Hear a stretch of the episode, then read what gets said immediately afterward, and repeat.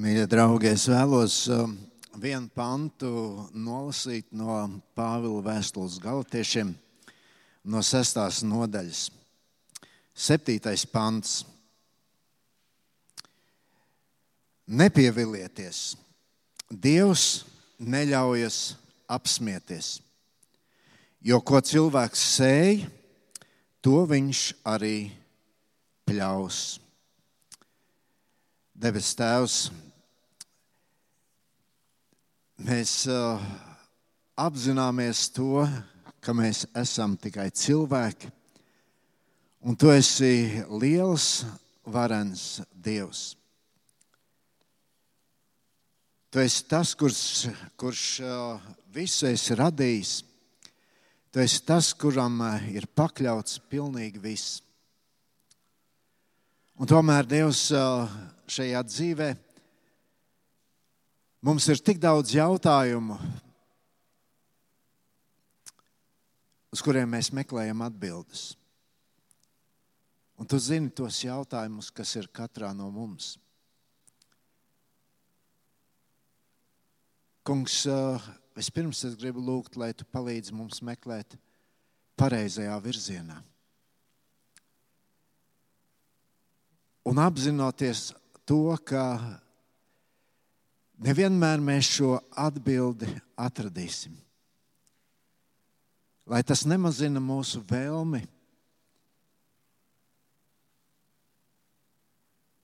mācīties, uzzināt par tevi, Dievs, par tavu prātu mūsu dzīvē. To jēzus tavā vārdā lūdzam un svētīsim arī šorīt mūsu pārdomas. Āmen. Lūdzu, sēdieties.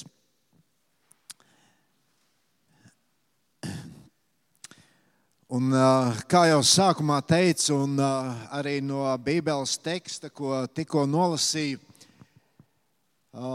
mēs varam noprast, tad šodien tā tēma, par ko runāsim, būs vilšanās. Un, vai ir iespējams vilties Dievā? Mēs jau būsim pazīstami ar dažādām vilšanām, ko mēs piedzīvojam. Es esmu saticis cilvēkus, un man ļoti žēl, ka šie cilvēki tā saka, ka viņi ir vīlušies Latvijā. Tik daudz cilvēku ir gaidījuši, bija gaidījuši kaut ko citu. Un uh, pa lielam jau arī tā vilšanās izpaužas tādā veidā, ka cilvēki aizbrauc, neko vairs negrib zināt par Latviju. Vilšanās. Cilvēki viļas ģimenes dzīvē un vēlāk Es esmu no vīriem dzirdējis eh, vārdus, es nekad vairāk nevienai sievietei neticēšu. Un to pašu mēs dzirdam arī no sievietēm. Cilvēki ir vīlušies. Es pazīstu cilvēkus, kuri ir vīlušies mācītājā, kuri ir vīlušies draudzē. Un tā mēs varētu turpināt vēl un vēl domāt par lietām, kur cilvēki pieviļas. Bet, manuprāt, vislielākā vilšanās ir tad, kad cilvēks pieviļas Dievā. Dievs taču ir mūsu pēdējā cerība. Un ja tad ir šī vilšanās, Un galu galā Dievs taču ir Dievs un ne cilvēks. Bet cilvēki saka tā, es vīlos. Tajā pašā laikā mēs dzirdam tik daudz liecības, cik Dievs ir bijis uzticams cilvēku dzīvēm. Arī Dieva vārds to neskaitāmas reizes atkārto. Dievs ir uzticams uzticams.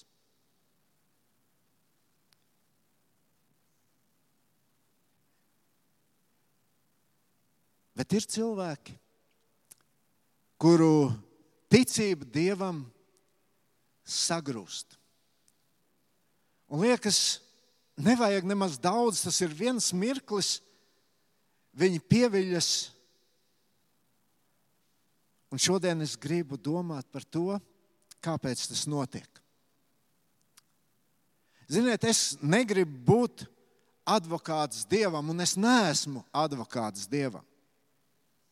Dievs jau pats par visu atbildēs. Bet šādi jautājumi tiek uzdoti. Es kādu laiku atpakaļ saņēmu kādu vēstuli no cilvēka, kuru es nepazīstu, kur uh, paraksta vietā bija tikai viens burts. Atpakaļ adreses nebija. Vispār tas retums, ka šajā laikā tu saņem kādu vēstuli pa pastu, vai ne? Bet uh, pilnīgi anonīma vēstule. Un, lai kā es varbūt arī gribēju, man uh, nebija iespēja šim cilvēkam atbildēt. Tur bija diezgan pagarta vēstule, bet um, par vienu lietu, ko viņa raksta, es gribu padalīties. Viņa saka, tā, es esmu apvainojusies uz Dievu, jo Viņš ļāva nomirt manai mammai 55 gadu vecumā. Es mīlu Dievu, un es ticu Viņam, bet es esmu apvainojusies uz Viņu. Arī mana mamma uzticējās Dievam. Viņa ticēja, ka Dievs viņu caur uh, svētajām asinīm ir dziedinājis. Bet viņa nomira.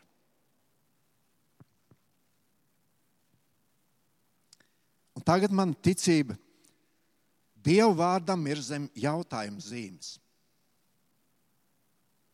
Iznāk, ka Dievs savu solījumu nav turējis. Man tik ļoti sāp, un es sev neko nevaru izdarīt. Es nezinu, ko es varēju atbildēt īsti šai sievietei jo ir ļoti grūti par tādu tēmu runāt. Viens gan ir skaidrs, ka viņai, tāpat kā mums katram reiz būs šī izdevība stāvēt Dievu priekšā, un mēs varēsim to pajautāt pašam Dievam. Šo savu kāpēc. Vai Dievam nebūs ko atbildēt?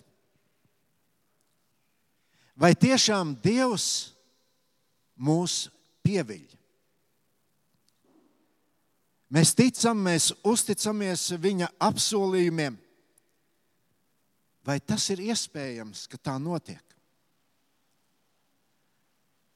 Un, jo es dziļāk domāju par šo tēmu, jo es vairāk saprotu vienu lietu, ka tā problēma ir tajā, ka bieži Dievs un cilvēks viens otru nesaprot. Ja pareizāk sakot, mēs nesaprotam Dievu.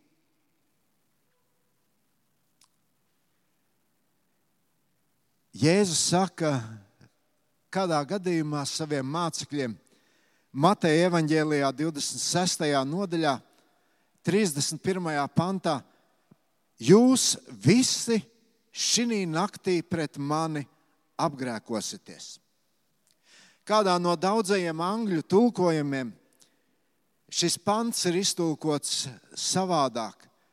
Tur ir teikts, jūs visi šī naktī zaudēsiet ticību man. Iedomājieties to situāciju. Jēzus to pasaka sev vistuvākajiem cilvēkiem. Un viņš nesaka, nu, tur jūda vai uz kādu ar pirkstu norādot, bet viņš saka, jūs visi. Tas bija milzīgs sitiens. Tie bija vīri, kuri bija pieraduši uzticēties visam, ko Jēzus teica. Un man tā sajūta ir, to lasot, ka viņi vienkārši nezina, kā šajā brīdī uz šiem Jēzus vārdiem reaģēt. Jūs visi šī naktī kļūsiet neticīgi. Un Jēzus to saka cilvēkiem, kuri ir visu investējuši viņā, ko vien varēja investēt.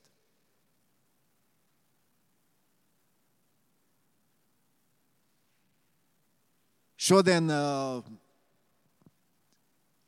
tādi zinoši uzņēmēji saka, nekad nedrīkst investēt vienu veidu biznesā. Ja nu kas,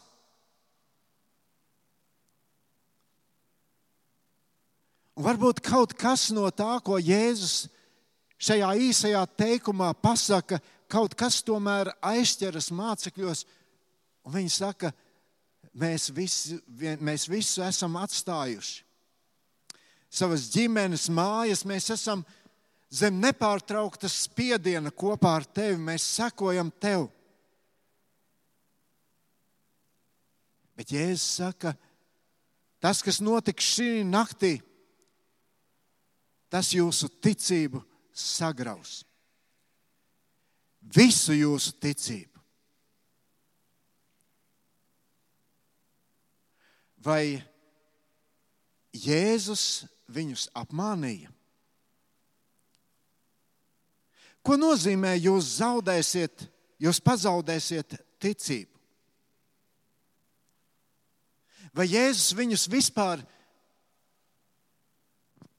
Tajā laikā, kad viņi bija kopā, kādu reizi ir piemānījis. Taču ne. Tad kur ir problēma? Problēma ir tajā, ka mums bieži vien ir maldīgs priekšstats par Dievu. Mūsu pieņēmumi par Dievu bieži vien neatbilst īstenībai. Mēs tik bieži to uzsveram, ka Dievs ir uzticams katram savam vārdam. Ka Dievs ir uzticams pat tad, ja mēs neesam uzticami. Bet mūsu priekšstati par Dievu ir ļoti dažādi. Un tas, kā mēs domājam par Dievu, bieži vien var neatbilst īstenībai. Ne visam tam, ko mēs par Dievu pasakām, Dievs var likt apakšā savu parakstu. Dievs ir suverēns, un Dievu iepazīt nav viegli. Katrā ziņā Dievs nekad nepadodas mūsu manipulācijām. Dievs ir tāds, kāds viņš ir. Un tas nozīmē, ka mēs kā cilvēki Dievu nevaram ielikt kādos rāmīšos, ko bieži vien mēs darām. Dievu mēs nevaram izteikt kaut kādās formulās, ko bieži vien mēs darām. Tas mūs pievils. Un tas arī ir iemesls, kāpēc cilvēku ticība Dievam sagrūst. Vienu es skaidri zinu, ka mūžībā mēs visi nonāksim pie patiesības par Dievu. Un daudziem tas būs milzīgs pārsteigums. Ka īstenībā varbūt tu esi ticējis bet ne dievam, kura priekšā tu tagad stāvi. Paklausieties, ko saka Kristus. Lūkas evanģēlīja 18. nodaļa, 31. pants. Un tos 12 pie sevis ņēmis, viņš tiem sacīja: Redziet, mēs nojam uz Jeruzalemi, lai piepildītos viss, ko pravieši rakstījuši par cilvēku, cilvēka dēlu. Šī nav vienīgā reize, kad Jēzus kaut ko līdzīgu saka. Viņš to vairāk kārt ir darījis. Vai jūs kaut kur varat izlasīt, ka šie mācekļi kādā brīdī būtu teicis, nu, pagaidi, pagaidi, kungs, lūdzu, lēnāk. Paskaidro mums, kam tad ir jāpiepildās.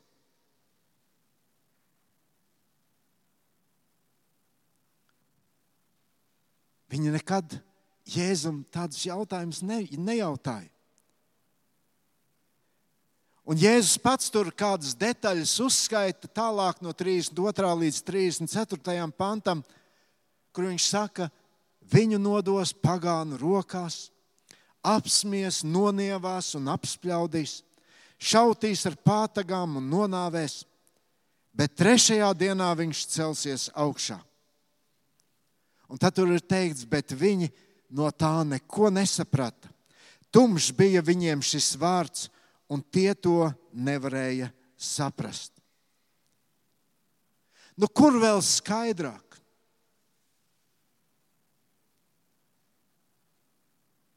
Kur vēl skaidrāk Jēzus var pateikt par to, uz ko viņš iet?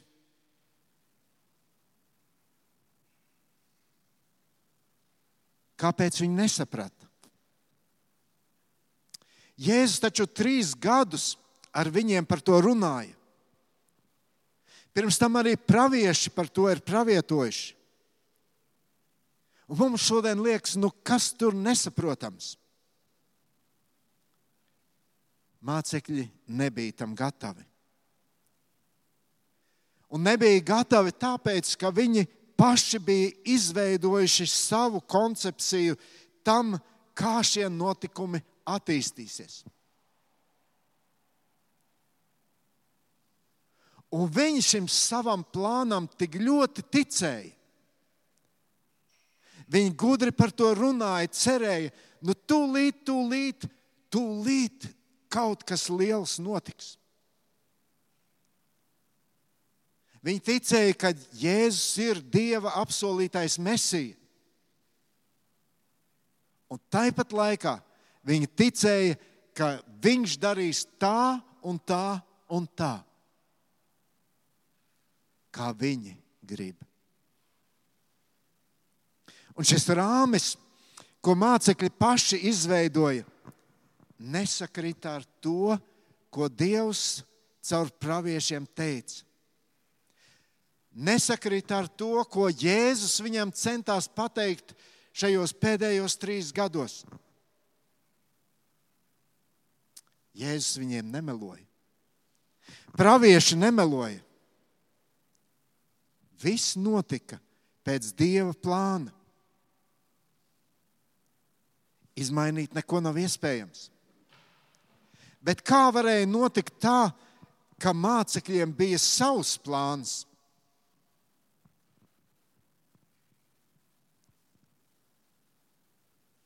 Protams, šajā naktī mācekļus sagaidīja vilšanās. Viss sabruka. Visi ieguldījumi vienkārši sabruka. Citiem vārdiem sakot, viņi visi kļuva neticīgi. Un tas, uz ko viņi lika visu. Viņš nomirst kā ļaundaris un kā ķēniņš. Un vēl, nu, protams, tur visi uz viņiem atskatās, visi viņus pazīst, apsmēja, rāda ar pirkstiem.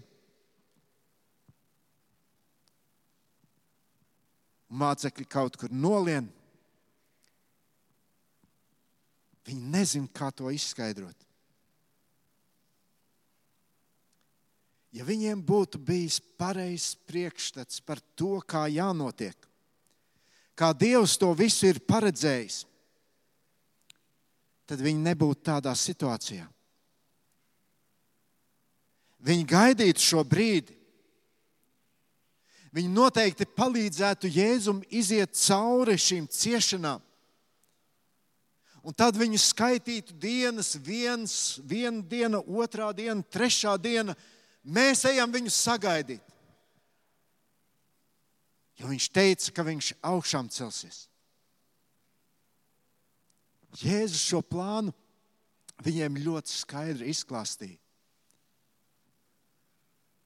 Un Jāņa evanģēlijā 21. nodaļā ir aprakstītas mācekļu sajūtas.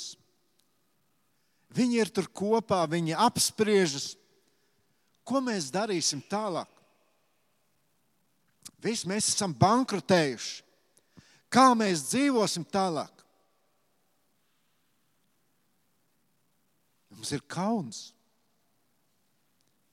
Un tad Pēters saka, es iešu zvejot. Pārējie padomā, mēs iesim tev līdzi. Faktiski tā ir atzīšanās, mēs vīlāmies, mēs zaudējām, mēs atgriežamies tur, kur bijām. Laikam jau tas ir mūsu dzīves lielākais pārpratums. Tā ir vilšanās. Lūkas evanģēlijā 24. nodaļā ir aprakstīts vēl kādas sajūtas. Tas jau ir pēc tam, kad Jēzus ir augšām cēlies un tur divi mācekļi iet no Jeruzalemes uz Emavu. Un viņš, Jēzus, kā svešinieks, pievienojas viņiem un prasa, Kau, kāpēc jūs esat tādi nobēdājušies? Tu ko? Galīgi? Nezini, kas šajās dienās ir noticis? Visi Jeruzalemē visur par to vien runā. Nu, kas tad? Nu, bija viens dieva liels pravietis, sūtīts, varans vārdos un darbos. Mēs viņam ticējām. Bet mūsu priesteri un virsnieki viņu nogalināja. Un šodien ir tieši trešā diena, kopš tas ir noticis. Un tad klausieties tālāk, kas tur teikts. Tur ir teikts, mēs cerējām, ka viņš atbrīvos Izrēlu. Un tas gandrīz, gandrīz, gandrīz jau notika. Tikai vienā mirklī kaut kas nogāja greizi. Un tad Jēzus saka, Lūkas 24, 25, ak, jūs nesaprašas un sirdī, kot, sirdī kūtrie, ka jūs negribat ticēt visu to, ko pravieši sludinājuši. Vai tad tā nevajadzēja notikt? Citiem vārdiem, Jēzus liek viņiem saprast un domāt, klau, jūs ko tiešām gribējāt izmainīt visu Dieva plānu? Un, mīļie, es baidos, ka bieži mēs iedomājamies par Dievu lietas, kas neatbilst īstenībai. Un tas agri vai vēlu mūs var novest pie vilšanās. Daudzi cilvēki pieviļas dievā tikai tāpēc, ka viņiem nepatīk, kā notikumi viņu dzīvē attīstās. Daudzi cilvēki ir izvēlējušies atsevišķus apsolījumus un domā, ka Dievs to piepildīs, ja viņi uz šiem apsolījumiem balstīsies. Bet Dievs ir suverēns Dievs. Viņš ir taisnīgs Dievs. Viņš neatkāpjas ne no kā, ko viņš ir teicis. Ir kāds notikums vecajā derībā. Tas ir aprakstīts pirmās ķēniņa grāmatas 22. nodaļā. Uh, arī tur nodaļas iepriekš jau, bet tur ir ķēniņš Āhaps. Izraēla ķēniņš. ne tas labākais ķēniņš, un daudz viņš negants lietas darīja, ka dievam nepatīkamas lietas. Bet uh, kaut kur jau viņš arī dievu bijās. Un uh, viņš domāja, domāja, līdz pieņēma lēmumu, es iešu karā. Es iešu karā pret Sīriju, lai atgūtu mūsu pilsētu Gileādas ramatu. Viņš ir pārliecināts, ka tas ir Dieva plāns, jo šī, šī pilsēta piederēja Izrēlam. Kādreiz sīrieši viņu iekaroja. Un tad viņš aicina otru ķēniņu, Jūdas ķēniņu, Jošafatu, lai viņš pievienojas šajā karā viņam. Un par Jošafatu ir teikts, un mēs zinām, ka viņš bija tāds nopietnāks cilvēks un vairāk bijās Dievu, klausījās tajā, ko Dievs saka caur praviešiem. Viņš teica, nu labi, es saprotu, tā ir mūsu pilsēta, Bet tomēr vai mums nevajadzētu noskaidrot, ko Dievs par to domā?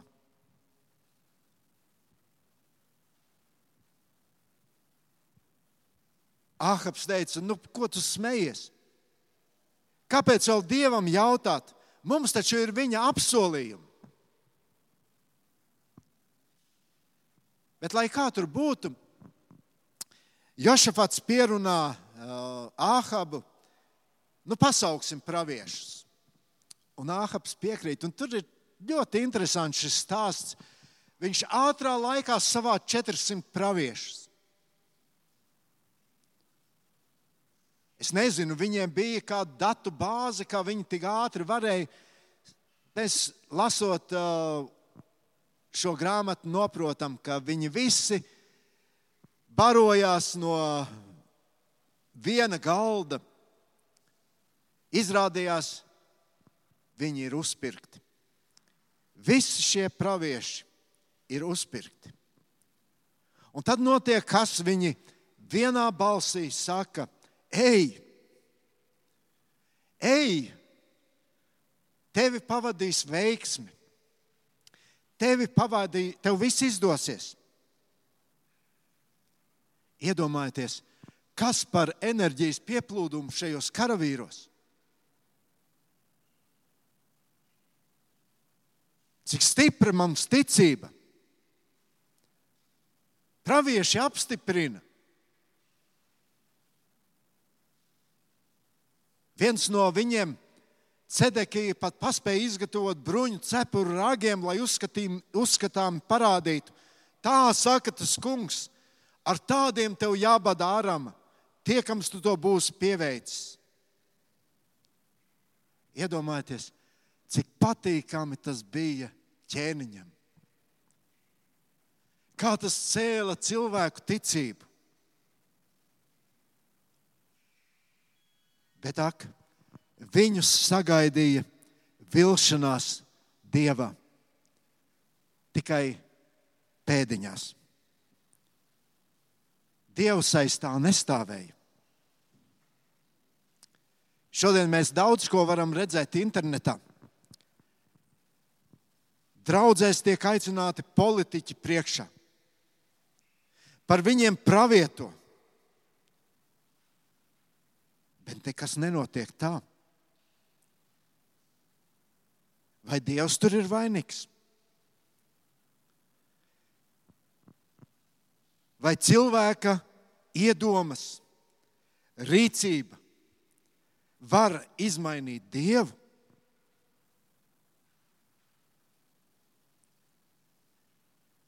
Tur pravieši Āhabam ir pravietojuši, un tad kāds pajautā, klau, bet ir vēl viens pravietis. Kur ir pravietis Miha? Un ķēniņš tā pasmaida un saka, nu nē, nevajag. Man viņš nepatīk. Mēs 8. pantā lasījā, lasām, ka tur eh, ir gan vēl viens vīrs, ar kuru var to kungu izjautāt, bet es to ienīstu, jo viņš par mani nav labu liecību devis, kā pravietis, bet gan vienīgi ļaunu. Un interesanti, nu, galu galā Jošafats pierunā Mihu tomēr attaicināt. Bet arī tur vēl notiek kāda viltība. Tur tas vēstnesis, kas ir aizgājis viņam pakaļ, viņu mēģina pa ceļām pierunāt, paklaut. Visi pravieši vienā balsī sludina ķēniņam veiksmi. Nu, nedara muļķības. Lai tavs vārds būtu tāds pats, saki labu, pacel ticību.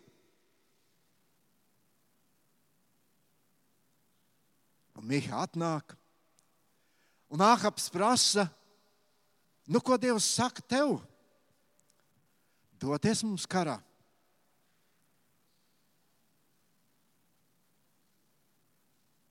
Un paklausieties, ko Miha saka. Dodies kalnup, tev būs veiksme, jo tas kungs to nodos ķēniņa rokās. Lai nu ko ķēniņš Ahabs būtu gaidījis, un šie vārdi viņu tā sanarvozēja. Viņš droši vien teica, Mihu, pietiek ironizēt. Es tevi pazīstu, saki patiesību.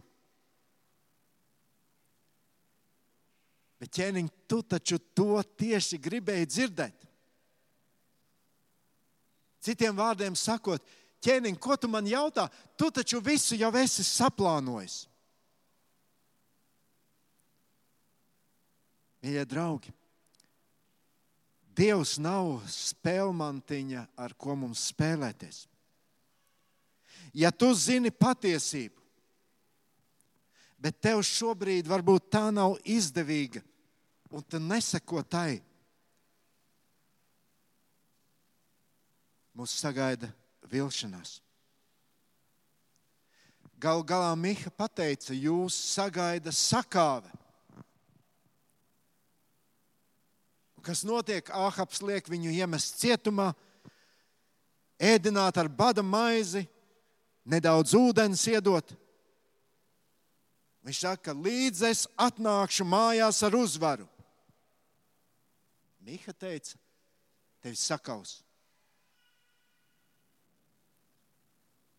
Ahabs centās šajā karā vēl ar kādu viltību izcenties. Viņš nebija kā ķēniņš tur, miesas sargu aplenkumā, savā tērpā, lai visi redz, mēs ejam kopā ar ķēniņu šajā karā. Viņš pārģērbās par vienkāršu karavīru. Bet vienalga, notika tā, ka kāda Sīrijas karavīra izšauta bulta trāpa tieši viņam. Atrodot mazu spraudziņu viņa bruņu kreklā. Vilšanās. Bet kāds tam galu galā sakars ar Dievu? Ziniet, kur ir problēma? Mēs ļoti daudz prasām no Dieva. Mēs varbūt pat pavēlam Dievam, cenšamies pierunāt Dievu, bet mēs ļoti maz klausāmies Dievam. Mēs visi gribam saņemt no Dieva spēku, bet cik gribam pieņemt to, ko Dievs saka, cik gribam piepildīt viņa prātu. Un tas, protams, ir risks.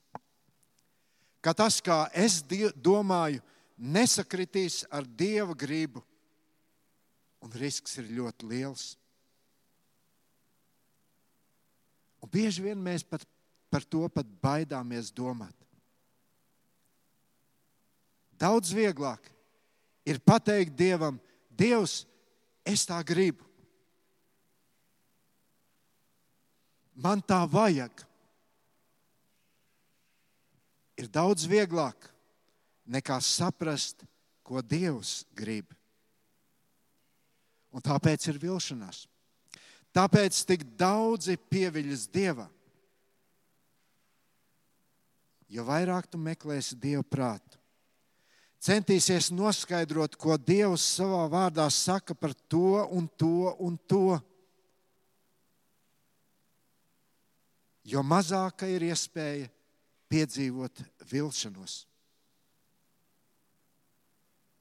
Mīļie, atcerēsimies, ka Dievs nav oficiants, kurš skries izpildīt katru mūsu pasūtījumu. Mēs lasījām, nepievilieties, Dievs neļausies apsmieties. Lai Dievs palīdz, ka viņu bīstamies. Meklējam viņu tādu, kāds viņš ir. Atcerieties, tur Jēzus ir ģedzemanas dārzā. Viņš visu zināja. Viņam bija skaidrs Dieva plāns viņa dzīvei. Bet vienalga viņam bija tik smagi. Viņam, kuram bija tiesības izmainīt šo notikumu gaitu, Bet Dieva plāns bija, tev ir jādzer no šī biķera. Un viņš tur lūdz, asins sviedri tek, ja iespējams, ka tas nenotiek. Bet ne mans, tavs prāts, lai notiek. Kas par cīņu? Tā bija cīņa ar sevi. Tā bija cīņa ar savām tiesībām rīkoties tā, kā viņam izdevīgi.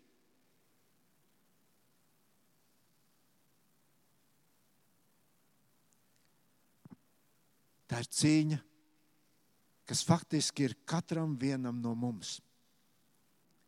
Katru dienu, katru mirkli, cīņa ar sevi ar savu, savu es, ar savām iegribām. Bet atcerieties, pāri visam ir varenais Dievs ar savu plānu šai pasaulē, ar savu plānu arī tavai dzīvei. Lūksim Dievu. Debes Tēvs, paldies Tev, ka Tavs vārds ir piepildīts ar šo saturu, kas mums ir vajadzīgs.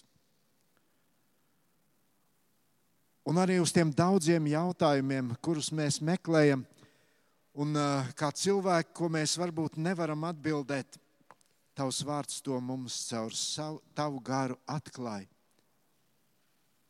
Tik dažādos veidos, tik negaidītos veidos. ja kādreiz arī caur sāpēm, caur uh, dziļām pārdomām, izmisumu, kur varbūt mēs tik ļoti esam likuši kādas cerības uz to, kā mēs gribētu. Bet pāri visam esi tu, kurš zina visu un kurš dari pēc sava prāta. Kungs, mēs nevaram izmainīt tavu plānu, bet mēs lūdzam, Kungs, lai tavs labais un žēlīgais prāts vienmēr notiek mūsu dzīvēm. Vada mūs tālāk, lai mūsu ticība tev nevarētu tikt izšaubīta. Un paldies Tev, ka Tavs vārds mums to atgādina un mūs māca. Amen.